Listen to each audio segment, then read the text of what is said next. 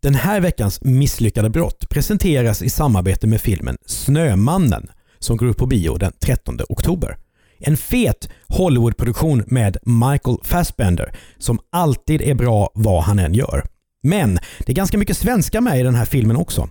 David Dencik, min personliga favorit, och Rebecca Ferguson. Filmen är regisserad av Thomas Alfredsson som gjorde den fantastiska Tinker Tailor Soldier Spy. Men vad är Snömannen för film då? Ja, den är inte bara stjärnspäckad utan också skräckinjagande och handlar om brott som har lyckats, nämligen en seriemördare i de norska fjällen. Snömannen bygger på en roman av Jo Nesbø, en av Nordens största deckarförfattare och han har faktiskt lyckats få en snögubbe att bli otäck. Jag tycker det här låter ytterst lovande och är beredd att gå på bio. Det är premiär den 13 oktober i hela landet. Köp dina biobiljetter nu. Podden presenteras den här veckan också i samarbete med Nöjesresor. En researrangör som har så stor bredd att du kommer att hitta en resa oavsett om du gillar fotboll, musikaler, vill kolla Formel 1 eller kanske min favoritopera Tosca. Nöjesresor erbjuder färdiga paket för både företag och privatpersoner med hotell och all planering klar. Och de som har skräddarsytt resorna är experter på sina respektive områden. Vill du ha din resa ännu mer komplett så kan du välja till och boka restaurangbesök. Perfekt för oss som redan har fått vaser, brödrostar och bordskanoner i present och istället föredrar en dag eller kanske till och med en hel weekend fylld av underhållning. Du beställer direkt på nöjesresor.se eller så får du direktkontakt med experterna som planerar just din resa. Nöjesresor.se alltså. Radioplay. Du vet de här kriminalfallen som eh, vi aldrig riktigt hört talas om. Det är de som den här podden ska handla om. För i deckare och polisfilmer så är allting enkelt och logiskt. Bovarna har tydliga motiv och är genomtänkta. Och polisen pusslar fram en lösning där vi får alla svar. Men det där funkar inte i verkligheten. För de flesta brottslingar i Sverige planerar dåligt, jobbar slumpmässigt och beter sig rent korkat. Välkommen till Misslyckade brott med mig, Mattias Bergman. I det här avsnittet ska jag berätta historien om det som polisen kallar för det första försöket till ett digitalt bankrån i Sverige. Det handlar också om hur en rådig banktjänsteman satte stopp för alltihop genom att helt enkelt rycka ur sladden. Idag är begreppet IT-brott någonting som vi förknippar med avancerade bedrägeriförsök, kapade servrar och organiserade digitala attacker som slår hårt mot företag och kan slå ut halva västvärlden. Men det händer ju väldigt mycket på den här fronten. För plötsligt har ju alla iPhones och använder BankID och swishar mellan varandra. Den snabba utvecklingen gör ju att IT-brott som är tio år gamla, de känns nästan antika när man berättar om dem idag. Till och med lite gulliga. Som om gärningsmännen använde fax och personsökare. Precis så är det med Knivstakuppen från 2007. En fräck stöt som var ytterst nära att lyckas och där polisen i efterhand har jämfört gärningsmännen med Jönssonligan. Den här historien börjar sommaren 2007. Svenskarna går på bio för att se Transformers eller Harry Potter och Fenixorden. IKEA inviger ett nytt varuhus i Karlstad. Det är kort sagt som vilken svensk sommar som helst.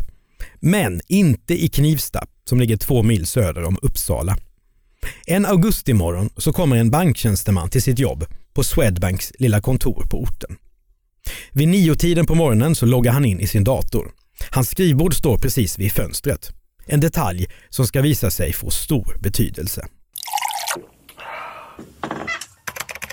Efter att banktjänstemannen har hämtat dagens första kopp kaffe och satt sig vid sin dator så märker han direkt att det är någonting som inte stämmer.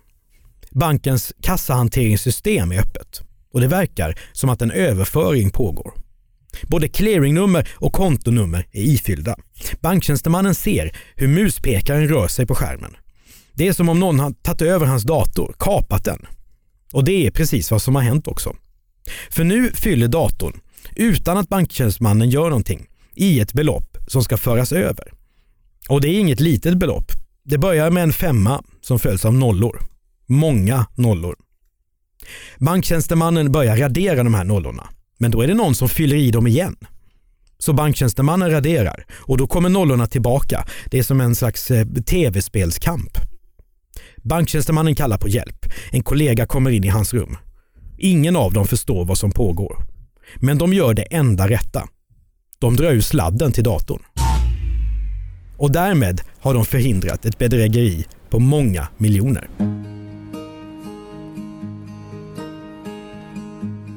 Ja, banktjänstemannen har handgripligen gjort sig till hjälte.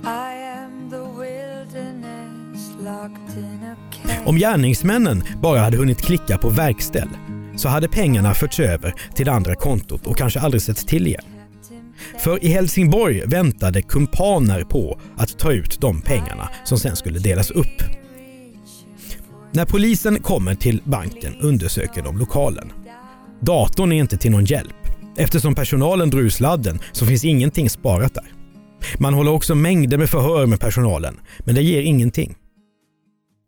Däremot hittar polisen en sak under skrivbordet. Där sitter en svart dosa och en liten antenn. Vad är det där egentligen? Ja, det är i alla fall ingenting som bankens IT-tekniker har installerat. Kanske har den här lilla boxen någonting med bedrägeriförsöket att göra. Och det visar sig att dosan är ihopkopplad med två fjärrbrytare. De har använts för att fjärrstyra banktjänstemannens dator. Så fort den anställde hade loggat in i systemet på morgonen var det fritt fram för bedragarna att ta över showen. Det var alltså så som femman och nollorna skrevs in i systemet. Frågan är nu vem som har placerat utrustningen på banken. Och varför har larmet inte utlösts? Det är märkligt eftersom det finns rörelsedetektorer. Inte heller finns det några brytmärken eller andra tecken på inbrott. Detta gör att en obehaglig fråga blir hängande i luften. Har bedragarna haft hjälp av någon på insidan? En växande misstänksamhet sprider sig på bankkontoret. Är det någon av de nyanställda som har monterat dosan? Eller en säkerhetsvakt? Eller möjligen någon av städarna? Veckans powerdeal hos Vedol. Jalas! Rätt sko för rätt jobb. Alla fötter är olika och alla jobb kräver olika skydd. Jalas har skyddsskorna för dig och ditt jobb. Så den här veckan, välj skyddsskor från Jalas hos Vedol. För säkerhets skull! För säkerhets skull. Hej! Är du en av dem som tycker om att dela saker med andra? Då kommer dina öron att gilla det här. Hos Telenor kan man dela mobilabonnemang. Ju fler ni är, desto billigare blir det. Skaffa Telenor familj med upp till sju extra användare. Välkommen till någon av Telenors butiker eller telenor.se. Välkommen till Momang, ett nytt smidigare casino från Svenska Spel, Sport och Casino där du enkelt kan spela hur lite du vill. Idag har vi en stjärna från spelet Starburst här som ska berätta hur smidigt det är. Jaha, så smidigt alltså. Momang, för dig över 18 år. Stödlinjen.se. För att gå till botten med detta krävs gammalt hederligt polisarbete. Och det är ett arbete som kan vara fruktansvärt tråkigt och tidsödande. Men som polisen gör hela tiden och som ofta är det som ger resultat. I Knivsta-fallet så handlar det här om att gå igenom bankens övervakningsfilmer. För kanske har gärningsmännen trots allt fastnat där. Men eftersom polisen inte vet hur länge den här mystiska svarta dosan har suttit under skrivbordet så måste man gå igenom filmer från flera veckors tid. I Sveriges Radios P4 Dokumentär ska en av utredarna berätta att det här arbetet sker på kvällstid efter ordinarie arbetsdag. Poliserna sitter i en källare utan fönster. De har bestämt sig för att vara extremt noggranna så att de ska slippa gå tillbaka och göra om delar av arbetet sen. Vad som komplicerar det hela är att det visar sig vara tekniskt omöjligt att snabbspola i övervakningsfilmerna. Så de poliser som har delat upp det här arbetet mellan sig, de är tvungna att genomlida timme efter timme efter timme i normal hastighet i källaren. Eftersom något larm inte har utlösts på banken så drar polisens utredare slutsatsen att någon måste ha monterat i dosan på dagtid. Så de börjar titta på alla filmer just från dagtid och de ser kunder som tar ut pengar och öppnar konton och tar ut pengar och ber om råd och tar ut pengar och sätter in pengar och växlar resevaluta och söker banklån och lämnar in mynt och allt det där andra som man gör på ett bankkontor.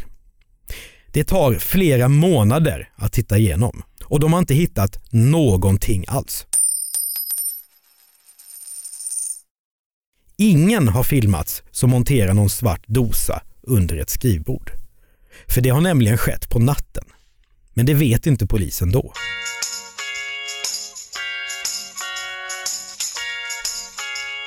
The Sweet Escape ja.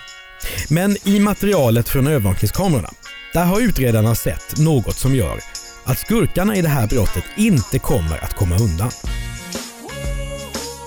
För en man syns i videon och han rör sig utanför bankkontoret på ett märkligt sätt.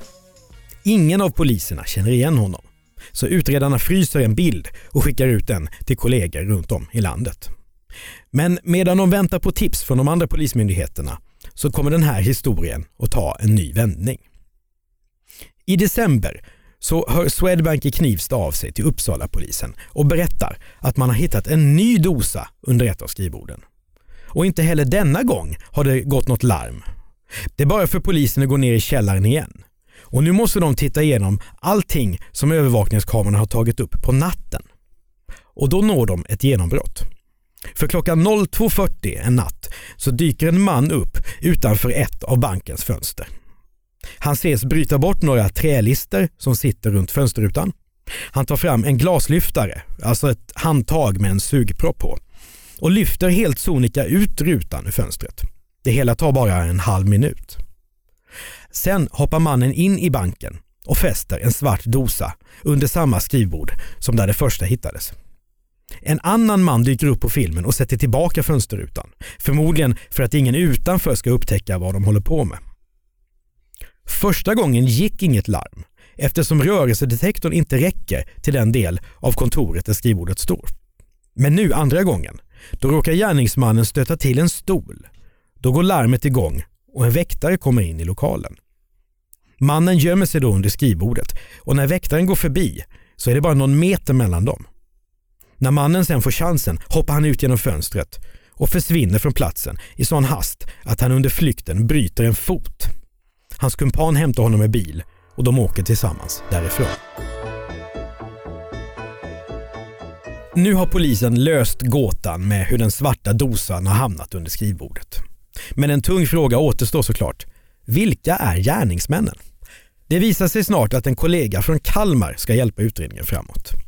Han känner nämligen igen mannen på den bild som Uppsala polisen skickade ut. Alltså mannen som strök runt utanför banklokalen och betedde sig mystiskt och som polisen har hittat i övervakningsfilmerna. Låt oss kalla mannen för Bengt. Bengt är tidigare dömd för ekonomiska brott. Och nu börjar polisen, efter att ha begärt och fått tillstånd, att avlyssna Bengts telefon. Det visar sig att han har kontakt med personer som i sin tur har kontakt med personer som i sin tur, ja ni fattar. Polisen börjar därmed lägga ett mödosamt pussel för att ta reda på vilka som kan ha varit med och försökt lura Swedbank i Knivsta på pengar. Det visar sig vara ett mycket löst sammansatt gäng. Vissa är tidigare dömda för brott och andra är helt ostraffade. Och de som är dömda för brott, de är inga medlemmar i Hells Angels eller Original Gangsters direkt. Många av dem har familjer och lever till synes vanliga liv. Men det som dock är gemensamt för dem är att de har drabbats av ekonomiska problem och förmodligen har de nu sett chansen att genomföra en stöt som ska ställa allt till rätta. De åtta män som ingår i den här ligan har tillsammans 168 betalningsanmärkningar och drygt 2,5 miljoner kronor i skulder. Två av dem har tidigare drivit en insamlingsstiftelse som blev bannlyst av Stiftelsen för insamlingskontroll. Med tiden börjar polisen också avlyssna en man som vi kan kalla för Rune. Han har tidigare dömts för penningförfalskning och är enligt polisen något av navet i den här ligan. Rune känner en man, en tidigare ostraffad företagare, som är väldigt kunnig när det gäller datorer i allmänhet och fjärrstyrning i synnerhet. Polisen förstår då att det är företagaren som ligger bakom den tekniska delen av Knivstakuppen. Nu är man allt närmare en upplösning på fallet. Det finns en fråga som fortfarande ligger där och skaver. Det verkar ju som att ligan har goda kunskaper, inte bara om hur det ser ut inne på bankkontoret i Knivsta, utan också om hur datorsystemet fungerar. Finns det en insider trots allt?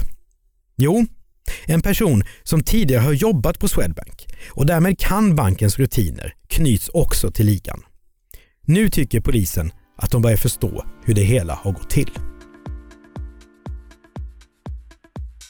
På polisstationen i Uppsala sätter utredarna upp nätverkskartor på väggarna för att kunna se linjer mellan personerna i dramat och hur de har haft kontakt med varandra. Precis som i en klassisk polis-tv-serie. Och samtidigt som arbetet pågår där så följer spanarna efter ligamedlemmarna för att samla bevis som de ska kunna använda senare. För polisen vågar inte slå till än. Åklagaren Thomas Belter Nordenman han vill ha mer på fötterna innan ligan grips och han kan väcka åtal.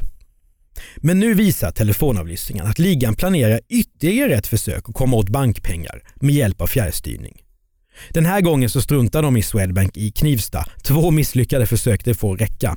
Istället siktar ligan in sig på Södra Dalarnas Sparbank i Långshyttan som ligger utanför Hedemora. I ett av de avlyssnade telefonsamtalen hör polisen två ligamedlemmar diskutera hur mycket pengar de ska försöka komma över. Vi slår väl iväg 50 då? Det är bara att trycka på knappen, hörs i ett samtal. Och snart bestämmer de sig för att göra slag i saken. 50 miljoner kronor. I januari 2008 följer polisen spanare Rune när han mitt i natten åker från Stockholm till Dalarna för att reka utanför banken i Långshyttan. Med sig har Rune två kumpaner. Väl framme smyger de runt byggnaden en stund innan de börjar göra något som nu är mycket välbekant för polisen. Männen börjar bryta loss fönsterlisterna. Nästa steg är att ta bort fönsterrutan, precis som på banken i Knivsta. Men här stöter gärningsmännen på patrull. För fönsterkarmarna sitter fast och går inte att rubba. Det gör att planen spricker, så männen åker därifrån. Deras försök till brott har nu misslyckats tre gånger. Två i Knivsta och en gång i Dalarna. Men nu tycker åklagaren Nordenman att polisen har samlat in tillräckligt med bevis. Man slår till och griper ligans medlemmar på olika håll runt om i landet. Sju man plockas in i första vändan och den åttonde lite senare. Det här gör att polisen också kommer över viktiga bevis i form av mobiltelefoner och glaslyftare, datorer och sånt. Våren 2008 åtalas de och under sommaren meddelar Uppsala tingsrätt domen. Några av de perifera ligamedlemmarna frias, några döms till fängelse. Efter att domarna har överklagats så justerar hovrätten vissa påföljder. Men ingen döms till mer än tre och ett halvt års fängelse. I samband med rättegången intervjuas åklagaren Thomas Belten Odenman av Dagens Nyheter och sammanfattar det hela. Det här är en ny typ av brottslighet. Vi kan kalla det för ett digitalt bankrån eller bankkapning. Det man inte trodde var möjligt har visat sig vara det. Deras plan var genial. Det var det perfekta brottet. Pandoras ask skulle öppnas. Dessa herrar kommer att gå till historien med den fräckaste bankkuppen i svensk kriminalhistoria. Du har lyssnat på Misslyckade brott med mig, Mattias Bergman. Producent för podden är Andreas Utterström. Prenumerera gärna på oss och betygsätt oss i iTunes. Och så kan du mejla oss med tips på fler misslyckade brott till misslyckadebrott@bplus.se. När du inte lyssnar på misslyckade brott så kan du ägna dig åt misslyckade relationer i form av podden Ihop med Josefin. En av de första poddar som jag själv lyssnade på överhuvudtaget och det skulle jag verkligen kunna behöva. För här ger Josefin Crafoord och Quetzala Blanco relationsråd tillsammans med en gäst. Exempel. Hur gör man om partnern går igång på något som du själv tycker är perverst och tokigt? Hur hanterar man sin svartsjuka? Och varför är det bra om killen har mjukisar på sig första dejten? Lyssna där du brukar hitta poddar eller på radioplay.se.